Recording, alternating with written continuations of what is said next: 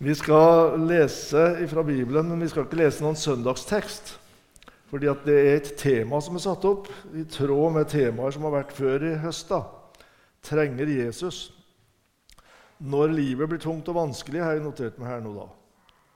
Så det er overskriften for dette her. Vi skal be sammen. Kjære Gud, himmelske Far, i Jesus Kristus får vi komme akkurat som vi er, og sånn som vi har det, Herre. Du vet hva vi trykkes av, hver enkelt av oss, og du ser at livet kan bli veldig vanskelig for oss. Og så vet vi det at vi har en å gå til, og vi har deg, Herre. Så ber vi om at det må bli en vei vi venner oss til å gå. Og vi ber om at den trøst som gis gjennom ditt budskap, kan få være med oss gjennom det som er vanskelig. Amen. Jeg tenkte først å snakke litt om bekymringer. For det er noe som er veldig utbredt. Og så er det veldig også omtalt i Bibelen, både i Det gamle og Det nye testamentet. Så bekymringa regnes det med altså i åpenbaringen at vi kjenner, og kjenner oss igjen i når vi ser formuleringa om bekymring. Usikkerhet for framtida. Mørke skyer som vi ikke aner hvor tøff blir framover. Det kan gjelde oss sjøl, og det kan gjelde våre nærmeste, noen vi er veldig glad i. For kjærligheten har en sånn bieffekt altså, av bekymring. Skal du elske noen, så følger det bekymringa med vanligvis. Det vet vi som er foreldre og besteforeldre, at kjærligheten, den har bekymring med seg. Det er en del av det. Det er en del av omsorgen. det. Ordet omsorg har, har sorg i seg. Du sørger for noen ting, og så, og sørger du på grunn av noen ting. Kanskje. Dette kjenner de alle sammen som er litt oppi åra, i hvert fall. Og det er veldig allment. På arbeidsplassen kan det være bekymringer, ting vi sliter med, ikke vet sikkert hva skår. Kollegaforhold som kan være vanskelig. Grue seg til hverdagen. Jeg har møtt folk i området her også som da har blitt plutselig arbeidsledige pga. oljekrakk og, og greier. Så blir livet helt annerledes en periode. Og så begynner han å tenke smått om seg sjøl også. Så får han sånne tunge tider. Og relasjoner som bryter sammen. Så det er mange, mange trekk ved en bekymring. Det, det er nesten utellelig. Og det kan føre med seg nattevåk og ligge og streve med tanker som man ikke blir kvitt om natta eller om dagen. Konsentrasjon og dette er altså ikke ukjent i Bibelen. Så kommer det inn noen sånne perspektiver. da. Jeg bruker å hilse folk som fyller år, med eh, Salme 121, som starter sånn 'Jeg løfter mine øyne opp til fjellene'. Det har de jo muligheter til her. da. Jeg ser en sånn kjempefin klump oppi her og mange fine fjell og så. Men poenget er at vi løfter vårt sinn og vårt blikk opp mot Herren. altså. Ifra det som er tungt, og så får vi et litt større perspektiv på det.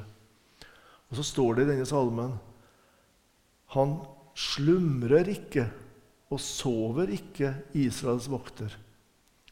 Israels vokter er gudsfolket, altså de som tilhører Herren. Han slumrer ikke. Å Slumre det er sånn å døse. Så du ligger og hviler middag, og det er nesten sånn at du sovner. Det skjer ikke med Gud, altså. Der er det oppmerksomhet. Han, han sover ikke, eh, Israels vokter. Og det betyr i den sammenhengen, i, i møte med ditt problem, da Så sover ikke Gud. For han har denne evnen til å ha oversikt over hver enkelt. Og omsorg som strekker seg ned. Jobb, Jobbs bok har noen sånne små glimt Jobb hadde jo en kjempekrise og var igjennom mange tunge ting. Det husker de som var på, på generalforsamlinga sist. Fire bibeltimer, tre om jobb. Og så er det sånne lysglimt, altså, der jobb sier Eller én sier noe som er riktig. Når du sier du ikke ser ham, så ser han. Det er også et aspekt ved det. Vi, vi, for oss kan det være helt mørkt. Men så kommer det et budskap som Så ser han din sak. Og Da er det ikke din sak bare det er personlig, men det du er bekymra for. Kanskje som gjelder andre også. Han ser din sak, og så skal du få stole på han og vente på Herren. Elia, profeten, han var gjennom mange ulike kriser. Han var i turbulent tid i Israels historie med Akab og Jesabel. Og, og, og, det gikk nedover med gudslivet blant folket. Det var til slutt bare 7000 av det store folket som, som, herren, som var på Herrens side til slutt. Så det var en dårlig tid. Og så var det den gangen han var i, på, på Karmel da, med disse balsprestene. Og så skulle jo de be til sin Gud. altså De reiv seg i håret og ropa og skreik og kløna seg opp for å prøve å få sin Gud til å svare. da. Og Da får du et sånt lite glimt av det som er kalt for profetisk ironi. Men det egentlig er det det at han sier noe om sin Gud ved å si dette her. De må rope høyere. Kanskje han har sovna? Eller kanskje han har gått avsides? Det betyr jo egentlig å gå på toalettet. altså.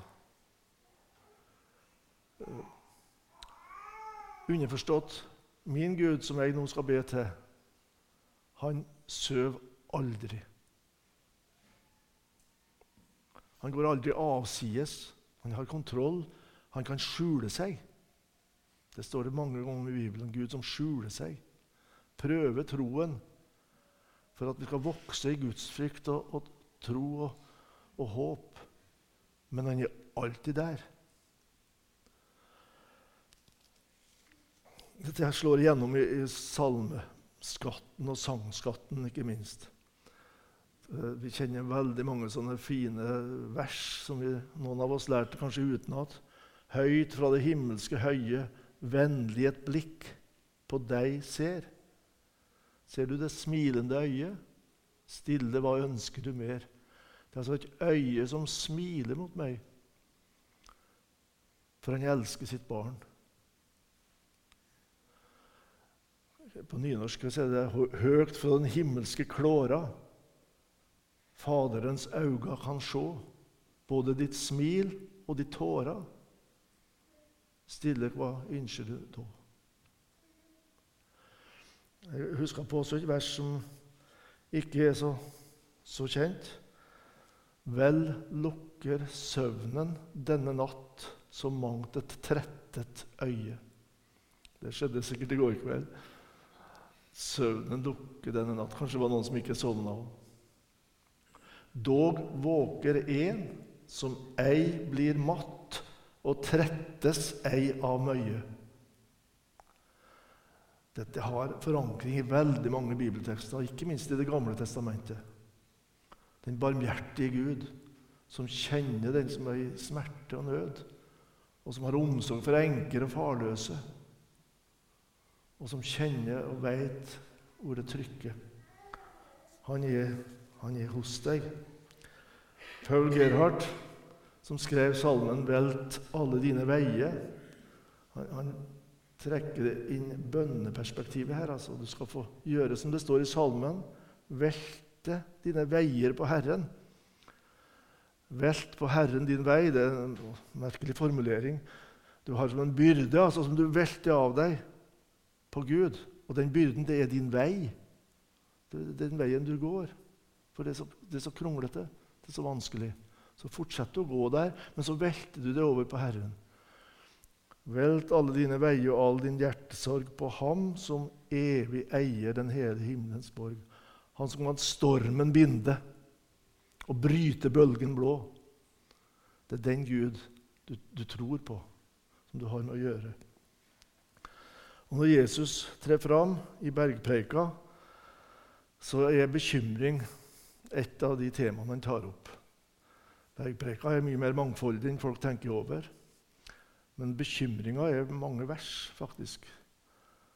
Den, det verset vi sang her, 'Søk først Guds rike og hans rettferdighet', det henter jeg fra en sånn kontekst der bekymringa er tema.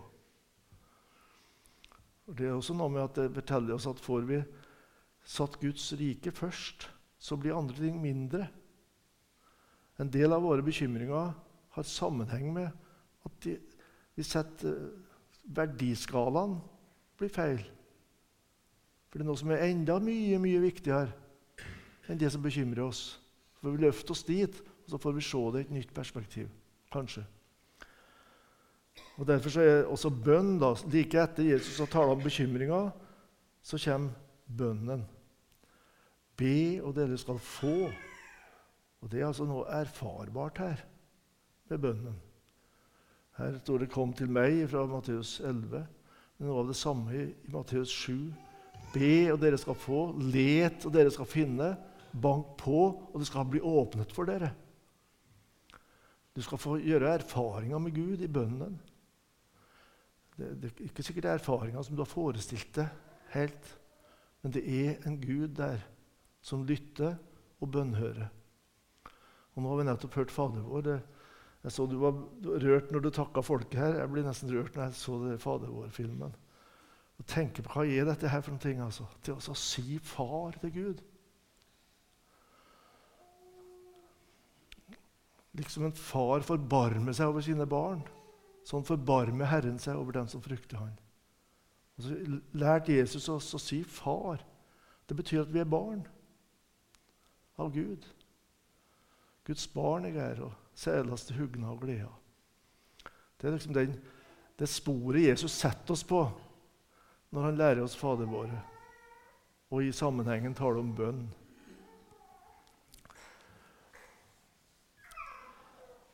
Og I det verset som er referert til der, da, antar jeg, så, så står det Kom til meg, alle dere som strever og har tunge byrder. Og må, Da må bekymringa være inneslutta i dette. her da. Det som strever og har tunge byrder. Og dere skal få hvile.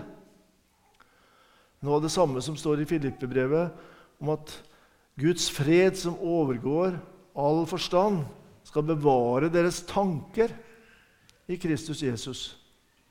Det skjer noe med tankelivet. altså. At Gud får satt oss på sporet av å se noe stort midt i det at vi kan være i en krise.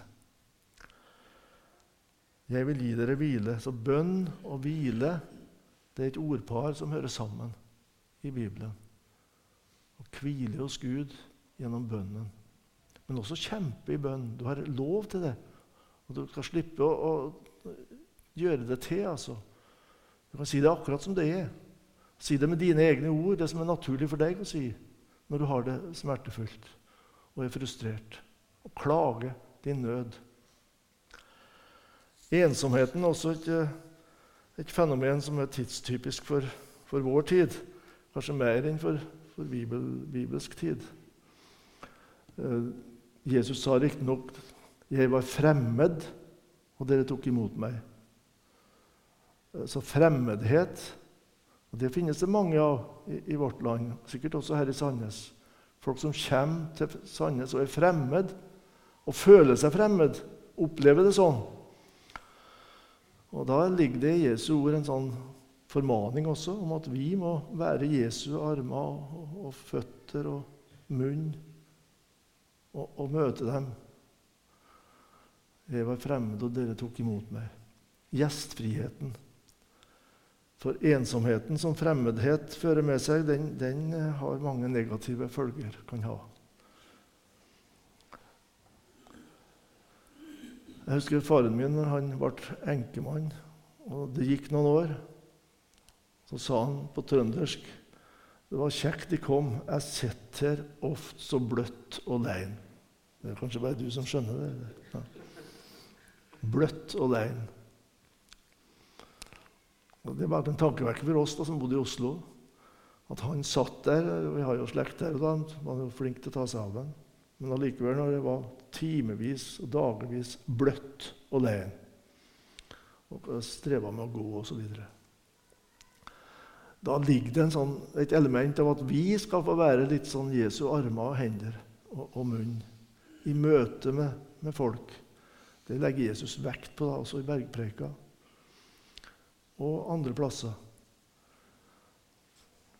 Jeg var fremmed, og dere tok imot meg. Vi var i Armenia har vært en par-tre ganger nå og, møtt kristne som har blitt kristne etter at denne muren falt, etter glasnost. For da var det en vekkelse i Armenia. Som ikke ja, Innenfor den armenske kirka, egentlig, men det ble personlig evangelisk kristendom der. Og så En av dem sa, en av lederne i bibelleseringen, da, det er der kontakten vi har hatt han, han sa det at vi oppdaga at gjestfrihet det, Der har vi ikke noe valg, sa han. Og Det skjønte vi da, for det, når vi så hvordan det fungerte i heimen der. Så var det folk ut og inn stadig vekk. Og vi kunne bo på bestestua med, med, på sofaen der, en gammel sofa fra 50-tallet. Fattige folk. Gjestfrihet. Varmen. Og Det er noe av det som Jesus ønsker å, å smitte oss med, da, av sin gjestfrihet. Når han sier 'kom til meg', så skal vi få være med i møte med ensomme og folk som har det vanskelig. Og skal vi samtidig få vite at Gud er på tronene nå, og han kommer sine i hu. I prøvelsens stunder, og tenk for et under at aldri alene Aldri alene er du. Det er et aspekt ved det. Sykdom kommer vi de fleste av oss ikke forbi, da. Det, det vet nesten alle her, i hvert fall, skulle jeg tro. Og Det er ikke alltid lett å komme til rette med det. Vi kan be om, om helbredelse, og så skjer det ikke, eller det skjer noen ting allikevel. Så kan vi bli frustrert, og det kan gå, bli tungt. Dette omtales veldig nøkternt i Bibelen. Det står jo mye om å be for syke. da.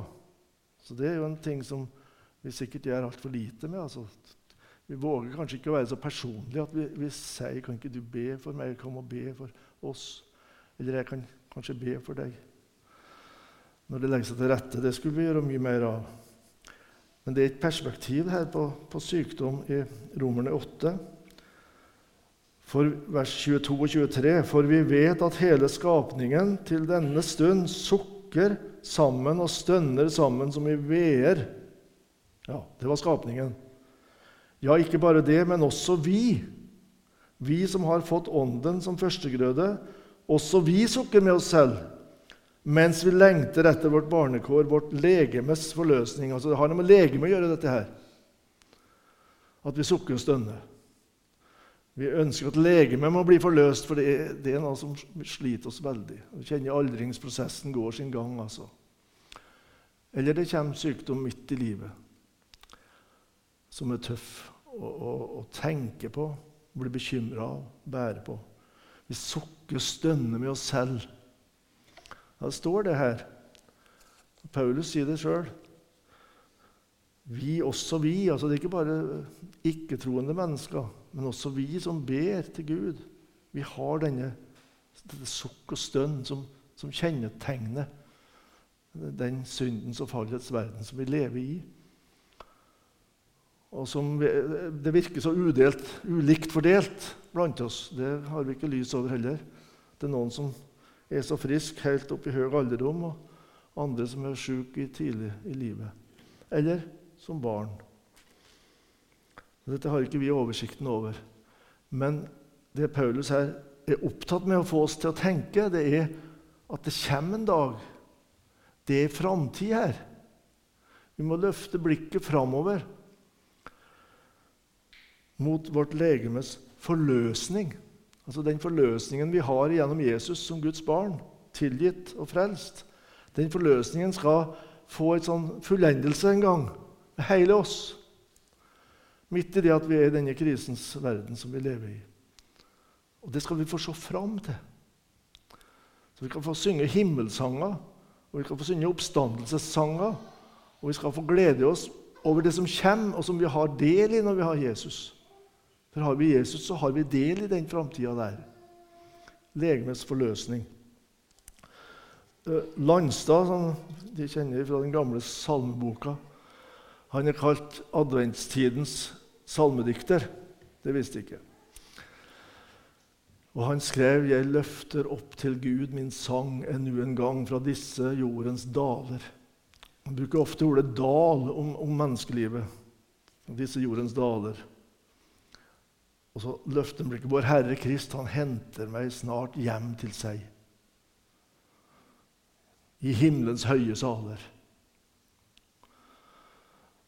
Han, han, var gjennom veldig mange tunge ting. Han var, han var depressiv av natur, sier de som har forska på ham. Mista to barn, ett på ni og ett på elleve år, nesten samtidig. Sto i barnegraver og var prest og forretta. Det var veldig tungt. Men så, også der ved disse barnas graver så skrev han en salme. Jeg vet med en søvn i Jesu navn. Og da Jesus skal si 'Denne dreng, denne pikelill, hun er ikke død, hun sover', så står det i den, den salmen, en begravelsessalme. Klar å løfte blikket framover midt i den smertens verden. Det er stort når det skjer. Når min forløsning stunder til, jeg gledes vil. Det er ikke så lett det der da, i praksis rent følelsesmessig.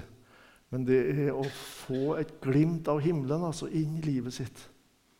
Jeg gledes vil og løfter høyt mitt hode. Da løses jeg, da går jeg inn til vennen min. Gud være evig lovet. I deler av verden der det er mye forfølgelse, der spiller disse tekstene en stor rolle.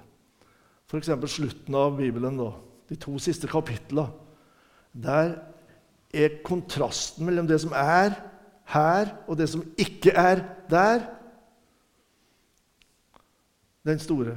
Der er ikke mer sykdom, nød, smerte, død. Ja, Underforstått ingenting av forfølgelse som påvirker smerten. Og havet er ikke mer, står det. Og havet er i den sammenhengen tror jeg, bildet på angsten som mange sliter med. Det er ikke mer. Du er balansert og harmonisk. Angsten er ikke der lenger. Og ingen forbannelse skal være der. Den som kom inn over verden ved synden, første Mosebok 3, den, den, er borte. Nå er det bare velsignelsen. Og De to siste kapitlene av Bibelen løfter blikket vårt dit. Så skal vi få se det og, og få det forkynt. Jeg las et dikt her om ei som som pastorkone i en del av verden der det var forfølgelse. Og brukt uttrykket 'Jeg løfter mine øyne opp til fjellene'. Hvor skal min hjelp komme fra? Min hjelper. Og så sto det mot fjellene i øst. Han er min sterke trøst. Har ikke visst om politiet kommer i natt eller ikke. Han er min sterke trøst. Og har et nyfødt barn mellom, mellom hendene. Sånn kan det være. Men vi har noe å se fram til som de har, ikke har, de som forfølger oss. Og det er synd på dem at de, de ikke har det. Så, sånn er det noen som tenker her i verden. 1. mai skal vi ha 1. mai-møte ute på Ytre Enebakk. Og Stig Magne Heitmann i Åpne dører skal komme og, og snakke litt om, om forfulgte kristne. Og Det jeg har lest av han, det, det, det, det, Himmelperspektivet, altså. Det ligger der. Midt i smertene. Og så til slutt noen ord om anfektelsen. For det er en sak Om ikke ordet er kjent, så er saken veldig kjent. For å kjenne på at du er en synder. ikke sant? Eh, når det knytter seg til livet, så kjenner du det ekstra sterkt. Bitterhet og hevntanker, og de skal få igjen, og, og alt dette som kan dukke opp. Urene tanker som ikke hører hjemme der Gud er, egentlig. Og så kan den tanken komme som vi kaller anfektelsen. Jeg som har som la oss her og har fått Guds ånd, kan jeg ha det sånn? Det var ei jente på Fjellhaug som har en oppgave og leste gjennom steingrunnen av Bo Gjerts. Og han skildrer en som da blir gammel og, og, og eh, dement, eller iallfall så tar den i bilder og, og, begynner å snakke stygt. Sånn som han gjorde den der, tida han drev hesteveddeløp og greier. Og så kommer det Er det mulig at han kan være en kristen, liksom?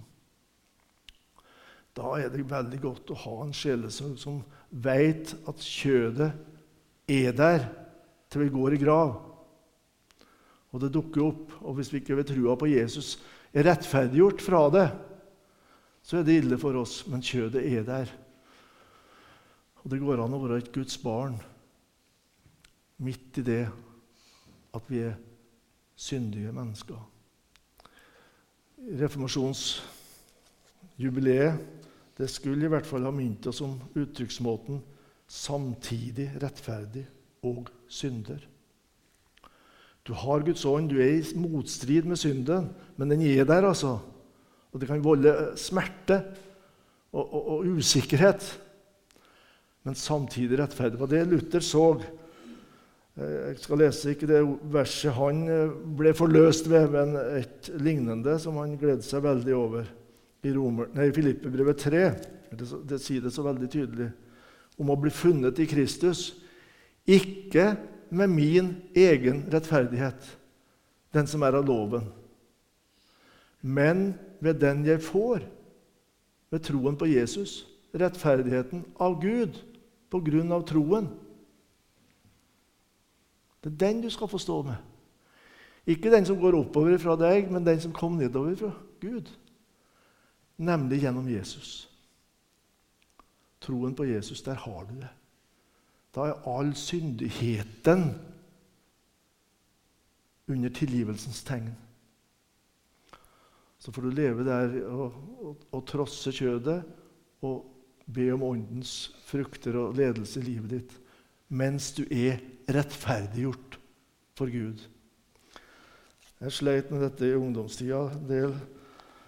At uh, oppdaga ting som ikke var bra da, for hver dag, og så skulle be om tilgivelse om kvelden. og da var den tanken lett at nå skal jeg tilbake og bli en kristen igjen. liksom. Vi får være barn av Gud ved trua på Jesus. Og da er vi i et rom av tilgivelse. Da er vi i, i synsforlatelsens rike, det nåderike som vi har del i.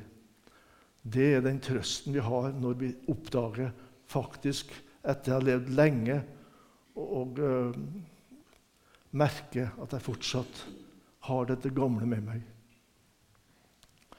Da har jeg Jesus alene. Og det er nok. Amen.